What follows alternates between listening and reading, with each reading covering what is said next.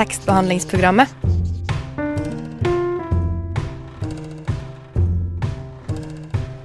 Tekstbehandling på radio.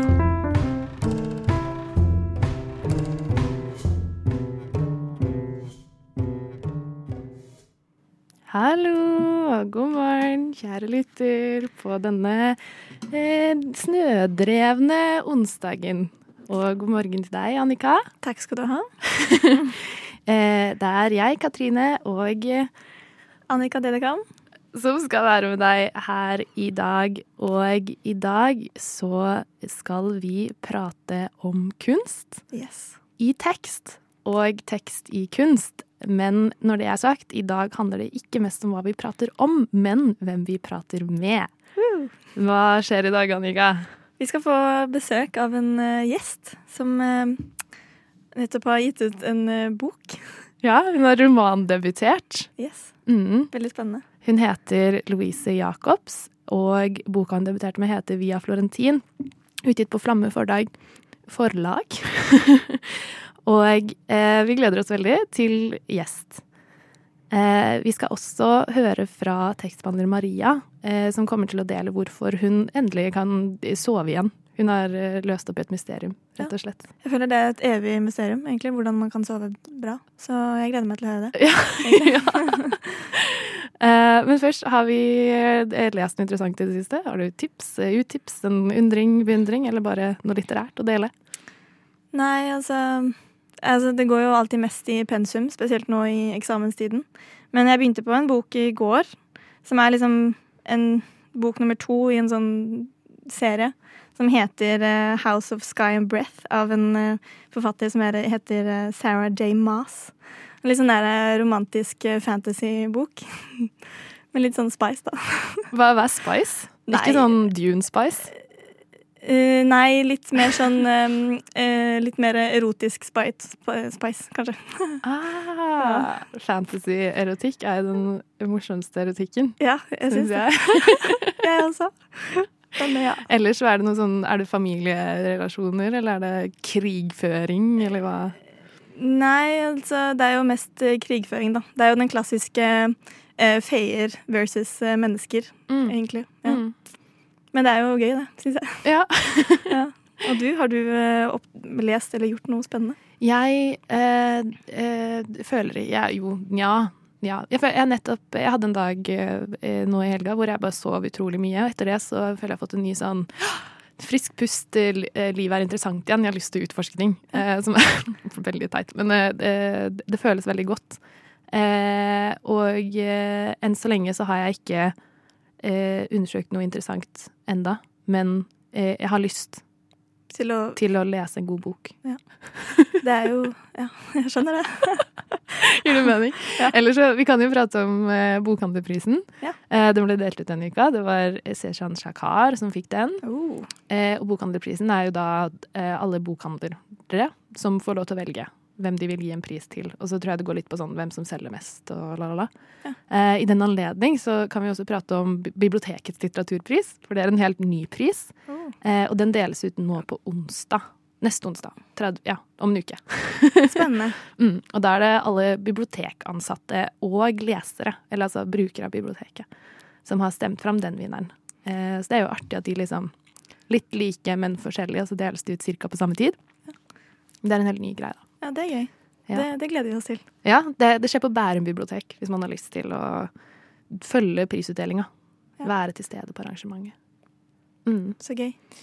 Eh, vi skal eh, komme oss i gang. Skal vi spille en låt? Etter det så er Louise her med oss. Hey. Eh, ja, det gleder vi oss til. You have bewitched me, body and soul, and I love, I love, I love. Tekstbehandlingsprogrammet på Radio Nova. Det er tekstbehandlingsprogrammet på Radio Nova, her og nå. Hva? Eh, og eh, det er fortsatt jeg, Katrine, og Annika. som er her med deg. Men nå har vi også fått besøk av gjesten vår. Velkommen, Louise. Hei. Hei. Takk for at jeg fikk lov til å være med. Ja, veldig hyggelig. Eh, Louise Jacobs, du eh, er her og nå i dag eh, i dette studio romandebutant. Eh, først og fremst, eh, tenker vi, men utover dette, hvem er du, og hva er du? Ja, jeg har alltid trodd at uh, debutant og debattant var det samme. Så Det jeg ble veldig skuffet når jeg bare var debutant.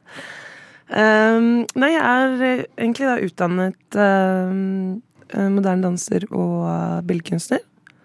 Og har vel egentlig senere tid gått litt mer over til uh, litteratur.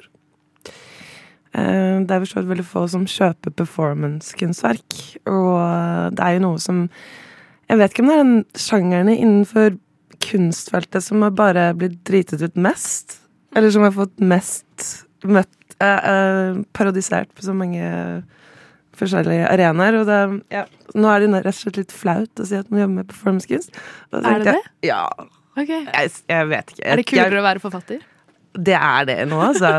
Men det er vel det at ehm, Jeg tror folk forbinder performancekunst med noen som løper i en gate naken og skjærer seg selv i huden og ja, roper uh, sosialisme for alle. Jeg vet ikke.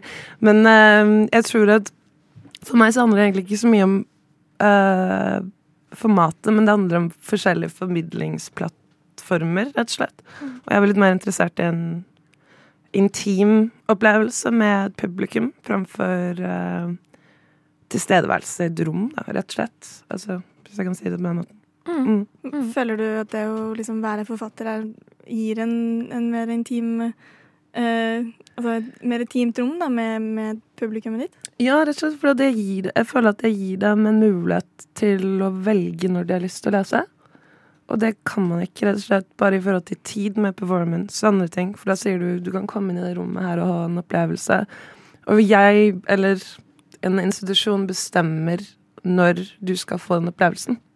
Jeg tror kanskje det med bøker Jeg syns det er noe mer eh, Ja, rett og slett at du kan leve med et kunstverk, og du kan faktisk bo med et kunstverk. Det, det er mer fascinert, da. Det blir ikke noe hierarki på det, og det, det er kanskje derfor jeg var mest interessert i eh, romanen som, forma, eh, som format. Mm. Ja. Eh, utover eh, romanen som du nå har skrevet, eh, hva er ditt forhold til tekst? Ja, um, nå er jeg så egentlig mest sånn Det er min første bok på Eller tekst, kan jeg si, på norsk. Jeg har alltid skrevet på engelsk. Så uh, han forleggeren min, han sa jo det Og det skrev litt som om jeg kommer fra videregående med litt dårlig karakter i engelsk. Men han hadde veldig poetisk styrke, og det var noe jeg syntes det var noe særegent der, men så tror jeg egentlig han bare innså at jeg var dårlig til å skrive. Så jeg måtte nesten lære meg kommaregler og sånn eh, på veldig kjapp tid. Noe må man jo ha disse forleggerne til. Ja, men jeg tror bare apropos spørsmålet ditt, så er det det at mitt forhold til tekst har vært et mer sånn ubevisst engelsk. Det er mye lettere å bare bruke det. Man har ikke noe forhold til betydningen av et ord. Men på norsk så er det som kjærlighet. Det er så uh, Men love er jo Det er jo helt greit å bruke I love everything. Og så er det Mm. På norsk så blir alle alt har, et, Det norske språket, da, for meg, da ble tekst et, en ekstremt sånn Det ble et helt annet univers å forholde seg til. Det hva tekst kan bety. Eh, det Ja. høres litt ut som det forholdet folk som på en måte har eh, Folk som skriver på norsk, eller primært skriver på norsk, har til nynorsk. Sånn lyrikere. De får liksom sånn ah, nynorsk, det er så Mm. poetisk, og Mm, en helt liksom annen ja. tyngde i, i språket. Ja, ja. Eh, ja, det er interessant. Du eh, skriver, eh, eller det står om deg på forlaget, så er det som du har sagt at du er billedkunstner og, og danser, og at du jobber med performance, tekst, men også metakulturell feminitet. Altså, det Dette må vi utforske. Når jeg kom på det ordet der. Vi har Nei. prøvd å google det, og det, Ja, nei, det er- veldig få kontekster hvor det kommer opp, veldig gjerne ved siden av ditt navn. Det er Ja. Nei, altså, jeg må si at igjen jeg, tror det første spørsmålet det veldig, kommer til å være gjeldende for hele samtalen. Jeg har ikke noe forhold til betydning av ord. Jeg syns ikke det er så viktig hva et ord betyr. Jeg, har lyst til å fylle, jeg tenker på ord som sånne skall som vi kan hele tiden redefinere. Det er jo ikke noe konstant, men ja, metakulturell femininitet Jeg tror kanskje det fortjener sitt eget radioprogram. Jeg tror det kan man legge veldig mye inn i det, da. Men hvis man sier, hvis jeg kan forenkle det, så vil jo det være jeg tar jo som regel utgangspunkt i min egen kropp, og jeg er kvinne. Men at det fører med seg noe sånn politisk tyngde, eller at jeg må ta ansvar for skjønnet mitt. Liksom, jeg er ikke interessert i spørsmålene, men av en eller annen grunn så er det kunstkonteksten som hele tiden vil dra det inn i en eller annen eh, relevans, og da må man feste den kunstneridentiteten din med noe som kan virke litt viktig, da. Og det, det har ikke jeg jobbet med. Så det er jo en Ja, nei, jeg vet ikke. Det er et komisk forslag. Uh, uh, det var ikke meningen å høre pretensiøs ut. Jeg håper at noen skjønte at det der var en vits, men uh, ja, kanskje det noe, ligger noe dypere der også. Men det er morsomt. Jeg føler at det er veldig eh, Også i, i boka du har skrevet, så er det mye ord som på en måte bare blir litt sånn det, det er tomrom da, i ordene, fordi man ikke helt skjønner betydningen eller konteksten. Det er så mye eh, Ja, at, så det, det at det ordet står der og står som noe du, du jobber med, føler jeg egentlig passer veldig fint, fordi det er eh, noe kunstnerisk i, det. Eh, og åpent for tolkning, da. Ja, jeg må også si at det, som jeg syns er det som er, som er så kult med språket, er at det, eh, hvis man ser liksom bort for eh, Altså, hvis man ser bort fra eh, språkkomiteer og hvem som velger noen nye, nye ord skal inn i språket vårt og sånn, så tror jeg at eh, For at man skal utvikle språket, så kan man ikke ha et veldig høytidelig forhold til det. Fordi da definerer språket deg, ikke omvendt. Og jeg tror det er veldig viktig at vi som uttrykkende vesener skal ta tilbake den makten. Og da må man bryte noen regler, eller drite litt i hva som er lov. Men det hørtes litt sånn 60-talls ut, jeg si nå. Men uh, ja, jeg tror det fortsatt gjelder. Mm. Liker du også å lese? Nei, egentlig ikke. For å være helt ærlig, nei, jeg er ikke så Jo. Uh, jeg er veldig glad i å lese engelsk. Jeg har noen uh, veldig Men for meg det å lese norsk, det syns jeg er slitsomt. Men jeg, jeg tvinger meg selv i det, fordi jeg vet at det har en eller annen jeg vet, Det er nesten som å spise grønnsaker. Jeg vet at det er bra for meg. Så det er et eller annet i meg. Men jeg kan ikke si at jeg løper inn på biblioteket og bare ha, jeg er hjemme, liksom. Men, men liker du bedre å høre på bøker, da? Eller liksom høre på tekst? Lydbok, for eksempel. Ja. Nei, ikke spesielt. Nei, altså, jeg øh, er veldig glad i å lese avis, for eksempel. Jeg, lik, jeg liker uh, Men ikke sant, jeg tror det er noe med eh, Ja, så er det det å oversette engelskbøker Jeg har, må faktisk ærlig innrømme å å si at jeg har lest Hamsun på engelsk. Og det er ganske flaut. Hunger. Hunger er en dritfin bok. Jeg har også funnet en utgave av Hunger i sånn byttebokbibliotek, og det så ut som en sånn krimbok på forsida, for det var så utrolig var sånn, Hunger! Så var det sånn, ah, Hvilken krimforfatter er det? Knut Hamsun. Det er Ja. artig. Men du kom deg gjennom den? Jeg gjorde det, altså.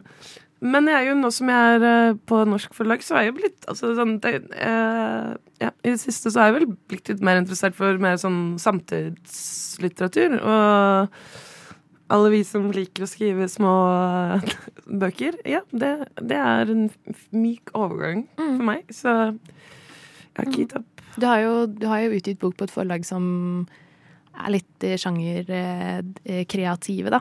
Du skulle si sjangerløs. Ja, nei, jeg vet ikke. Så jeg har vært veldig heldig med uh, Geir Numedal på Flamme. Fordi at uh, jeg tror det kommer veldig an på hvem man møter i sånne forlag. Mm. Kan jeg spørre, hva leser du nå? Om det er en Eh, bok eller noe du vil trekke Ja. Uh, nå kom jeg på at jeg har glemt en totebag med fire bøker uh, fra biblioteket. Og jeg er, det er to barer den kan være på nå. Det var min plan i dag for å finne de. Uh, ja, så apropos det. Um, Janne Camilla Lyster, som er også koreograf, og har skrevet en del diktsamlinger. Så jeg bare tok alt av henne og lånte biblioteket. Og jeg tror det blir veldig dyrt hvis jeg ikke finner den uh, totebagen igjen. Men jeg gleder meg veldig til å lese de. Og så er det vel um, Ja, uh, Albertine Sarrazin, som er en fransk forfatter um, som skrev på 60-70-tallet. Uh, som heter uh, Astragalen. Og så mm, mm, mm, Det er gode tips. Uh, vi skal eh, over til å prate mer om din bok, eh, som vi har lest.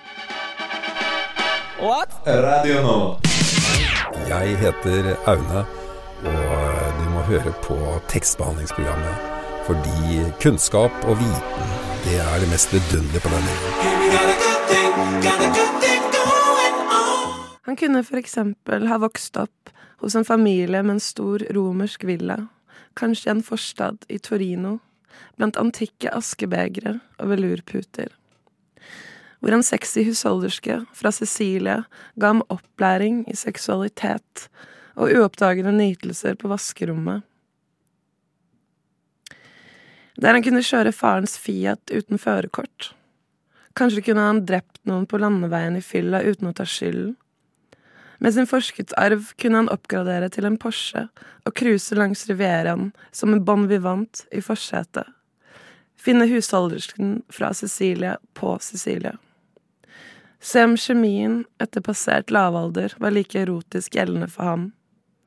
Gjøre henne gravid med et kjærlighetsbarn som senere ville oppsøke ham et sted i nord, langt vekk fra øyas fattige olivenlunder. Det er veldig fint. Takk. Du hører på tekstbehandlingsprogrammet, og der hørte du Louise Jacobs lese fra sin eh, nye roman 'Via Florentin'. Jeg heter Katrine. Jeg heter Annika. Vi er fortsatt her, og Louise er her. Eh, og nå skal vi prate litt om eh, boka.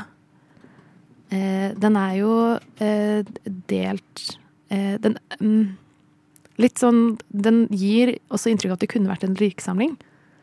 En diktsamling? Ja, Mhm. i, i hvordan den er. For det er liksom stykkevis. Så dette var jo da et bitte lite utsnitt om han. Mm. Eh, det er han, og så er det hun. Mm. Mm. Ja. Jeg synes jo, Hvis man snakker om det visuelle ved boken, så syns jeg også hvordan den ser ut på utsiden er litt eh, poetisk, da, hvis man er inne på det poetiske. For den er ganske den, altså Omslaget sier ikke så veldig mye om hva som er på innsiden. Mm. Det er jo veldig sant, Du har disse fargene, og så har du via Florentin ditt navn og ditt mobilnummer. Mm. Um, um, så er det liksom Har du vært med på å, å designe liksom hvordan bo- boken ser ut, eller er det noen som har gjort det for deg? Eller?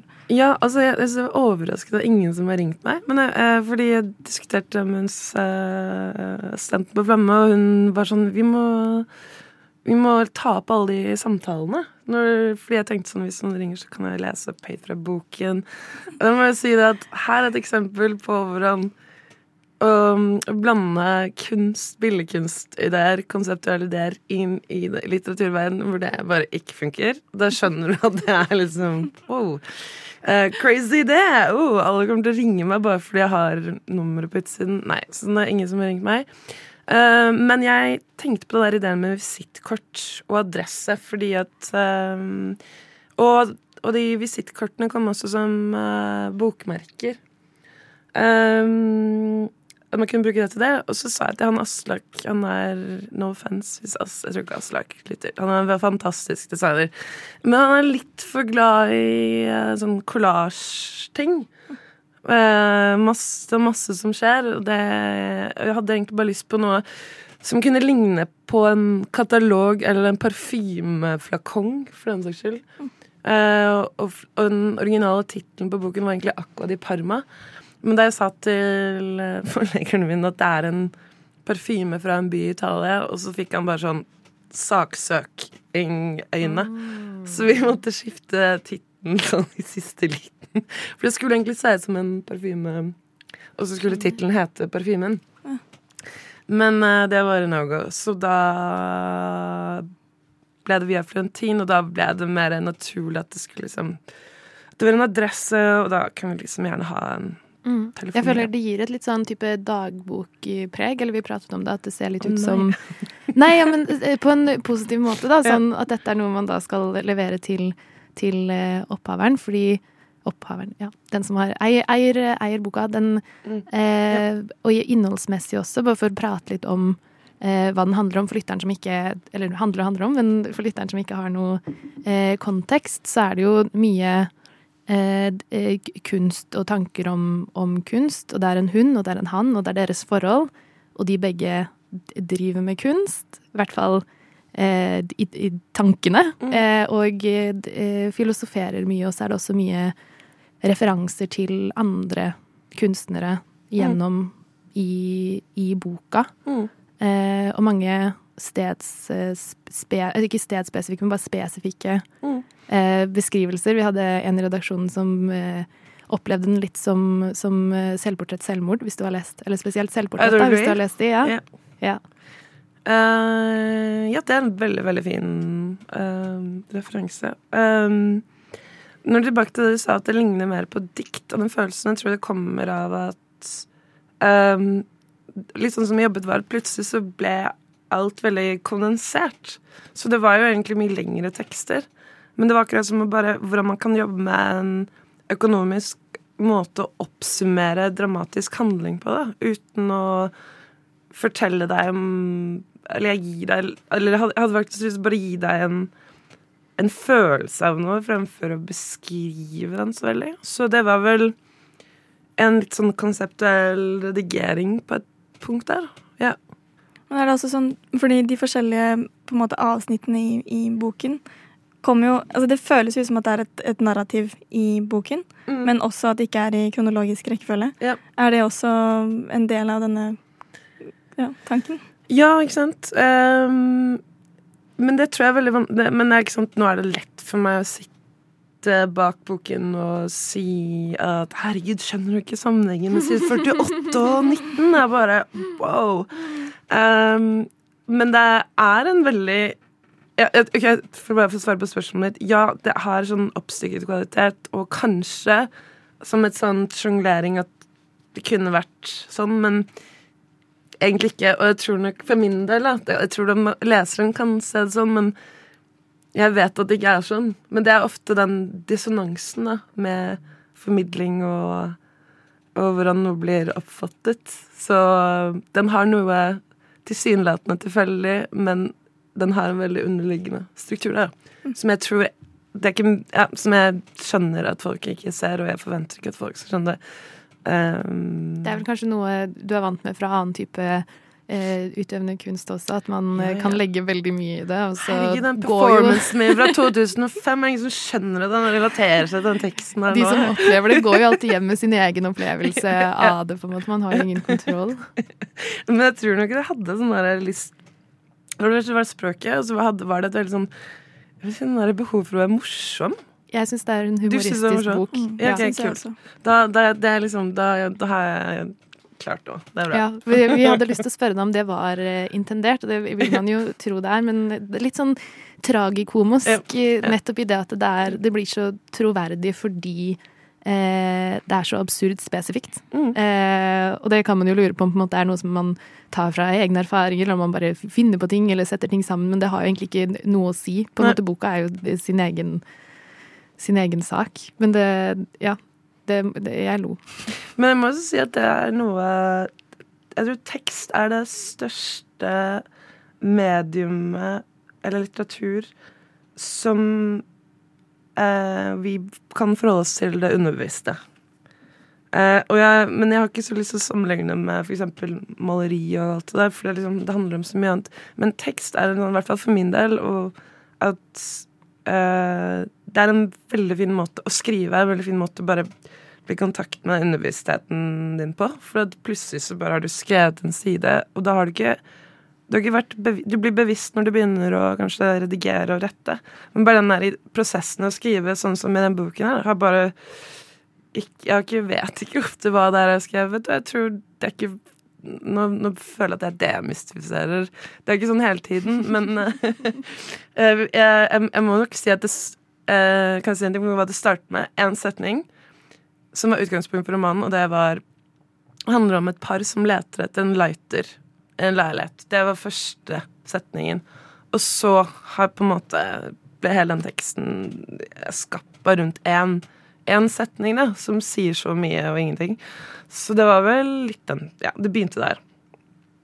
Nei, jeg tror ikke den setningen er med lenger, men ja. Boka drar jo eh, også, som nevnt, fram eh, en del eh, kunstnere.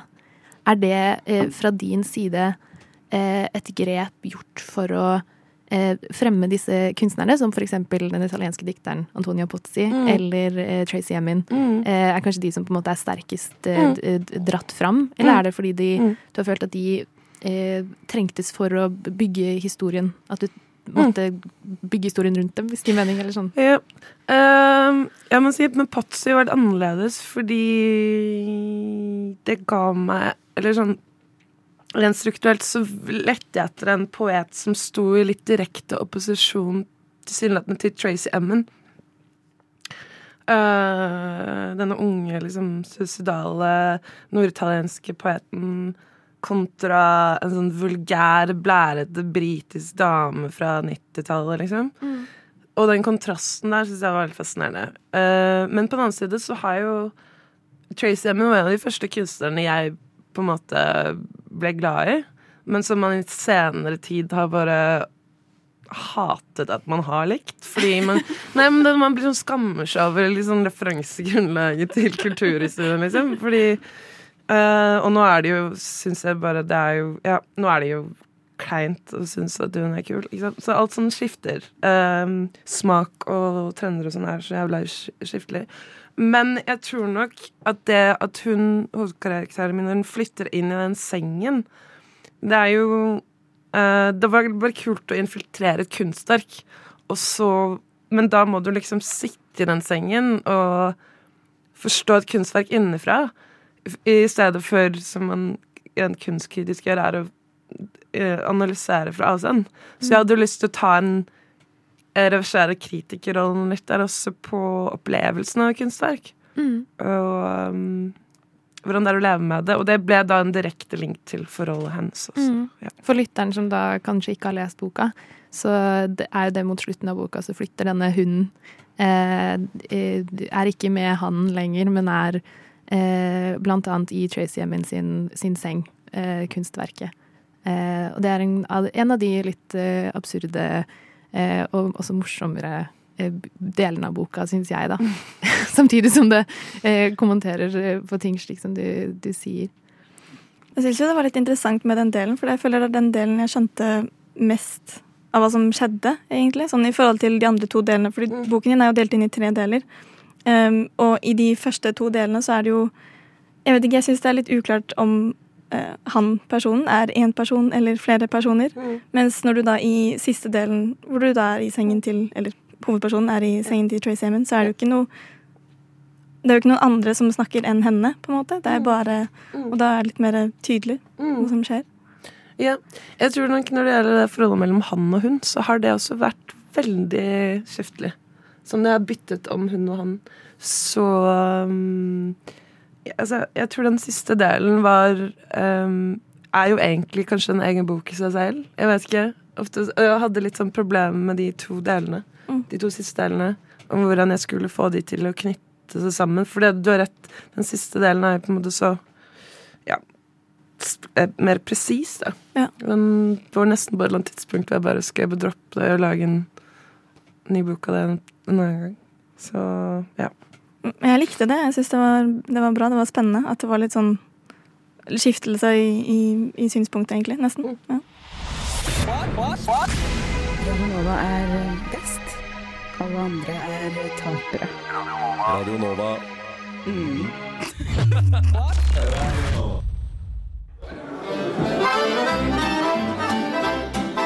Hvis du går hjem med noen og de ikke har bøker, ikke knull dem. Hilsen tekstbehandlingsprogrammet. Louise Jacobs, eh, vår gjest, romandebutant. Det er eh, Annika og jeg som eh, er her. Vil du knulle folk hvis de ikke har bøker? Ja. Det skal ikke se Ja, nei, jeg har faktisk et spørsmål til dere. Ja. Ja, fordi eh, Hvorfor valgte dere boken min? Var det sånn, hadde dere var det, Er jeg en av mange? Eller er jeg, burde jeg føle meg litt sånn spesiell? Ja, Det er det ikke, det, er- ja, du burde føle deg spesiell. Det er ikke okay. så ofte vi har, eh, har eh, forfattere på besøk eh, i studio. Vi liker å prate om mye forskjellig. Jeg har aldri vært med på å ha en, en gjest i studio. Ikke Nei. eller Og det er også gøy, nettopp som du pratet om nå mens vi spilte en låt, at, eh, at boka di blir lagt under kokebøker på salg i bokhandlene. Mm. Mm. er, eh, noen bøker er det verdt å prate om, og det er jeg veldig glad for at vi har eh, lest inn at det er i dag, fordi vi føler at det er en bok som det er verdt eh, å gi litt oppmerksomhet. Mm, Ja. Absolutt. Rett og slett. Og det er in interessant også å, å prate om. Og det, når vi har lest boka, så fikk i hvert fall jeg lyst til å også prate med deg. Ja, Og nå er vi jeg synes Det er utrolig, hyggelig. hyggelig. Sist gang jeg var, var på var noen som inviterte meg på litteratur på blå. Og da, Det var veldig rart, for da hadde jeg ikke Da var liksom boken 25% ferdig. Så de spørsmålene jeg besvarte da, tror jeg ikke jeg henger på grepen hvordan det endte. Uh, Prøvde faktisk å finne det, fordi de pleier å dele som Ja. men det finnes ikke noe sted. Sikkert sånn delvis sensurert. og Jeg tror jeg Det ble ikke sa delt. masse dritt. Jeg vet ikke hva, ja, Det gikk ikke så veldig bra. Det var en live, en live opptreden. Men det, du har jo nå skrevet en bok som heter Via Florentin, eh, og du driver også med eh, kunst, eh, utøvende Mm. kunst. Og radio. Eh, og radio. Eh, men du har også jobbet mye med tekst i kunst utenom på en måte den litterære sfære. Mm. Eh, type performance hvor du også har laget tekst. I hvert fall Mm. har jeg sett eh, på den, du har en Tumbler hvor du har porteføljen din, at du Ja. hadde en eh, som jeg syns så veldig interessant ut, hvor du skrev portretter av folk. Ja. for det er, jo, det er jo skrivekunst, men det er også performancekunst. Eh, vil du hva, hva er forskjellen, ser du, eller i din opplevelse, mellom å skape bilder gjennom visuelle verk, eller verk man kan oppleve på den måten, og det å skape bilder gjennom ord? Ja, det er veldig, veldig, veldig godt formulert, formulert spørsmål. Men jeg som performancekunstner tenker jo det at når jeg bestemmer meg for å skrive roman, så var det sånn Skal vi feste denne Macbook Airen på en trenermølle nå? Bare gjøre noe mer ut av den der. Eh, Så jeg tenker i bilder før noe skjer. Og um, det eh, eksempelet med det å skrive portretter framfor å tegne portretter Det vil på en måte alltid bli redusert til et konsept, sånn at jeg kan si det med Det kan bli oppsummert i en setning, og da skjønner du det med en gang. Det er, men det er at jeg har et veldig sterkt forhold til uh, ord som definerer en situasjon, da, fremfor et bilde. Kan jeg kanskje si at jeg er mer opptatt av. For bildet for meg blir veldig vagt, men la oss si Jeg hadde et bilde på at jeg skulle servere noen en martini over, så gjennom en samtale så vil jeg få et inntrykk som jeg måtte formulere på et ord. Da. Så det er ja, uh, mer eller mindre vellykkede tekster, vil jeg si. Mm. Eh, boka de skildrer også kunstnere, og eh, det er mange performance, eh, eller bare kunstkonsepter, som blir skrevet eh, og som finner sted i, i boken, i hvert fall i, i tankene. Eh, er det nesten morsommere enn å, enn å gjennomføre en performance og bare eh, finne Absolutt. Ja, absolutt. Jeg tror egentlig det det, er Fordi ja, jeg har så lyst til å, å, å, å smøre et gulv full av tannkrem. Eh, men ja, det er jo, den, ja. en scene i boka med tannkrem og ostepop og Ja, det som er her. og der, men, men der har jeg et sånt ofte, Kan ofte bli et problem, fordi er det um, Det er litt sånn don't shit where you eat, fordi jeg lurer litt på om noen ganger at man kan Man føler seg mer berettiget til å drite litt ut sitt eget univers, da. Jeg vet ikke hvis du studerer juss, at du kan ha du har, du har liksom førsterett til å kritisere det innenfra. Så, men av og til så har jeg tenkt sånn Er jeg litt kjip mot mitt eget miljø nå, liksom? Ja, altså vi har notert oss det som noe vi kanskje ville ta opp, om, om, fordi romanen er litt sånn eh, eh, sarkas, eller ironisk, eller på en måte den, er, er det et forsøk på å ta avstand fra kunstnerverden? Mm, ja, det ligger vel en snar bitterhet at jeg ikke er invitert på noe store Nei. nei. Shut the fuck up. Nei. Um, det er ikke en bitterhet, men jeg tror La oss si at Men altså, jeg vet ikke. Når jeg har studert kunst siden og dans siden jeg var uh, Altså på et høyere altså på et utdanningsnivå siden jeg var 18, og nå er jeg 35. Og det er liksom 17 år med med Hvor man kanskje begynner å bli lei. Jeg tror når man begynner å bli lei nå, så går man først inn med litt sånn man kan ikke helt forlate det, for jeg kan ikke noe annet. Så jeg må liksom Men da er du jo på vei. Ja, men Ja. jeg tror nok at den ehm, At man ehm, Jeg tror det er normalt. Man kan ikke synes at det man driver med, er kult. Uh, en kons konsistent rytme. Altså sånn kurve, mener jeg. Så jeg tror det er litt jeg tror, Ja. Et stort eh, spørsmål til deg. Eh, du har uttalt i et eh, intervju jeg fant på internett at du ville foretrukket Nesbø over eh, Knausgård. Er Nesbø kunst, og kan du definere kunst for oss? Grunnen til at jeg valgte det, og eh, eh, det gikk veldig kjapt det intervjuet der. Det var faktisk ikke et intervju engang. Jeg måtte bare fylle inn det veldig kjapt. Så det var bare sånn bup, bup, bup. Um, men det er fordi at det er et svært portrett av Jo Nesbø på Flamme forlag. Men han står med åpen skjorte bak et basseng som er sånn tidlig Photoshop. Og så du ser at bølgene ikke passer sammen. Ja, nei, så, men jeg har ikke noe forhold til noen av de forfatterne, egentlig. Uh, Ok, men men det jeg- andre spørsmålet, da. Hva? Hva, hva er kunst? Hva er din definisjon på kunst?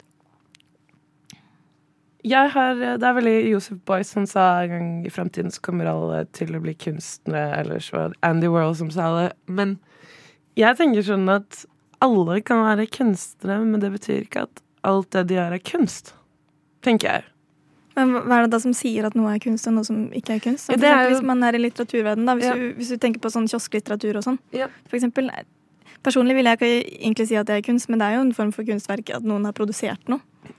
Absolutt. Og det tror jeg vi lever i en veldig sånn høy- og lavkultur når det gjelder definisjonsmakten av hva som er Altså nå er ikke jeg noe Jeg har ikke noen sånn sterk eh, meninger om for eksempel eh, eh, hva som er kunst eller ikke kunst. Eh, er ikke, det er ikke noe jeg er så veldig opptatt av, fordi eh, Eller hvis man er litteratursnobb, så er det liksom visse bøker man må lese har lest, og så er det alt det du ikke kan lese. Så man blir allerede Hvor er det man føler en tilhørighet, da? Hvor kan man gjennom det man liker av kunst, og det man ikke liker eh, Tusenfryd for meg er jo en svær installasjon.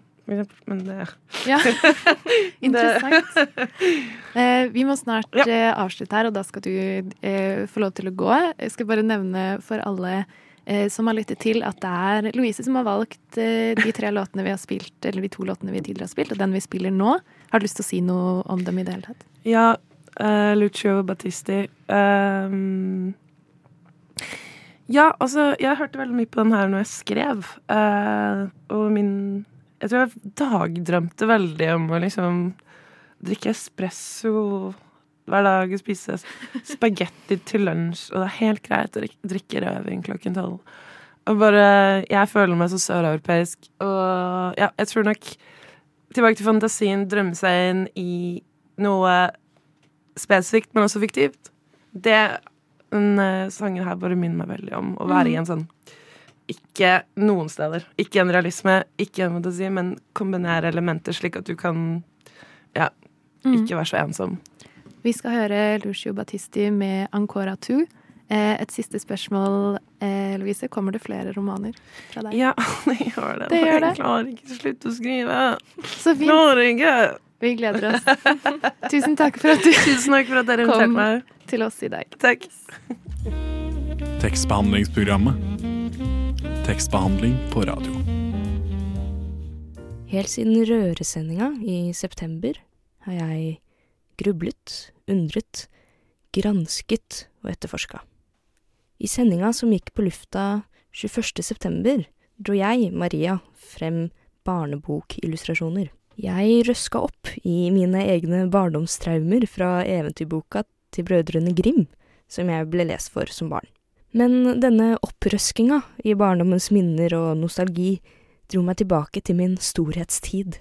Som vinner av sommerlesekonkurransen på det lokale biblioteket da jeg vokste opp. Den sommeren, jeg var vel kanskje ti år, så leste jeg konstant. På sydenferie leste jeg på stranda, ved bassenget, ved frokostbordet og i senga. Jeg leste hele tida, og jeg skulle vinne den lesekonkurransen. Og så var det noe spesielt jeg leste også. Hva var det egentlig? Jo, det, det var en serie. En serie med barnebøker skrevet av samme forfatter. Men hva var det de het? Hva handla de om? Hvem var forfatteren egentlig? Jeg husker ingenting. Jeg brukte hele sommeren min på å lese disse bøkene. Dette er mysteriumet om de glemte mysteriumsromanene, og min etterforskning for å finne dem igjen. Vi starter i den mest kraftfulle databasen, hjernen. Hjernen min, da, altså. Jeg husker da vage ting, farger og sjanger. Det er ikke så mye å gå etter. Det var jo en del bøker også, sånn sjukt mange, og jeg tror jeg leste alle. Kanskje må jeg dra dit jeg fikk tak i dem. Jeg må dra til Kilden. Kanskje jeg må dra til Fett folkebibliotek. Mitt første bibliotek, og mitt kjæreste. På det lokale folkebiblioteket i Fetsum var jeg en fast kunde i mange år. Så jeg får vel bare dra dit og finne mine mysteriumsbøker. Men så kommer problemet jeg burde forutsett. Bygdebibliotekets korte åpningstider. Åpent fire dager i uka, med en åpningstid i de fire herrens timer jeg befinner meg i undervisning. Dette her går jo ikke opp. Bibliotekets kalender synkroniserer ikke med min egen. Men hallo, biblioteket har jo en database. Jeg kan sikkert bare logge meg inn på nett og finne lånehistorikken min der. Problemet løst. Skal vi se her. Lånenummer, ja, lånekortet har jeg jo fortsatt, så det er jo ikke problem. Ok, skal vi se. Uh, PIN-kode, ja. Det var jo slik at når jeg lånte på Fett folkebibliotek, så dro jeg jo bare sammen med bestefaren min, slang en haug bøker på disken og bibliotekarene skannet dem inn. Trengte ikke å si navnet mitt engang. Trengte ikke å vise så mye som et lånekort. De visste hvem jeg var, jeg visste hvem de var bestemødrene til. Og sist jeg lånte, ja, jeg var vel elleve-tolv år da. Hadde jo ikke et eneste PIN-kode jeg vel, som barn. Det er over. Jeg kommer meg ikke inn på Lillestrøm-bibliotekene sin nettside. Selvfølgelig har jeg ikke PIN-kode. Jeg var jo ti år gammel. Hva slags tiåring har PIN-kode?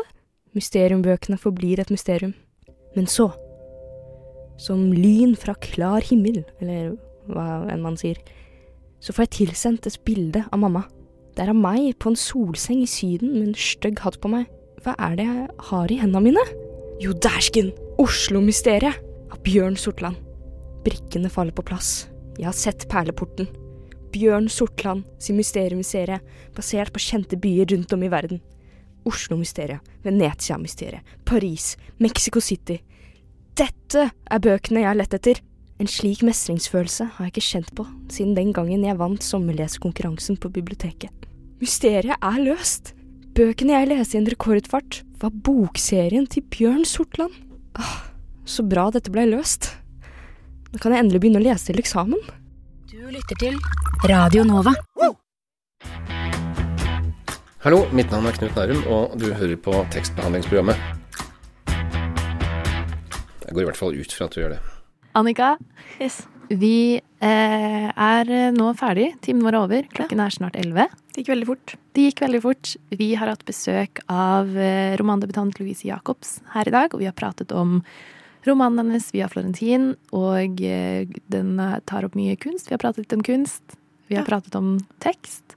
Eh, vi har også hørt, endelig, Løst mysteriet til Maria. Ja, det har vi. Det var jo veldig bra. Og vi har hørt eh, mye god musikk. Eh, skal du noe gøy i dag? Eh, nei, jeg skal, jeg skal jobbe med en eksamensoppgave.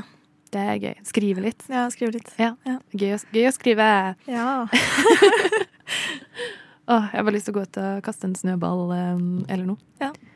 Neste uke er vi tilbake igjen. Hvor er det man kan eh, Da er vi tilbake igjen her eh, klokka, klokka ti på onsdag. Men ja. hvis man ikke lytter til da, hvor kan man høre oss da? Da kan man høre oss alle steder hvor man kan høre på podkast, egentlig. Eh, Spotify, diverse. Mm. Ja. Vi har også repriser med musikk ligger ute på nettsida til Radio Nova. I nettspilleren der. Ellers finner du oss på Instagram. Ja. Ja, Det gjenstår egentlig bare å si takk for i dag. I studio eh, var eh, Annika Birkeland Dedekam, og jeg heter Katrine Mosvold. Takk for nå. For nå.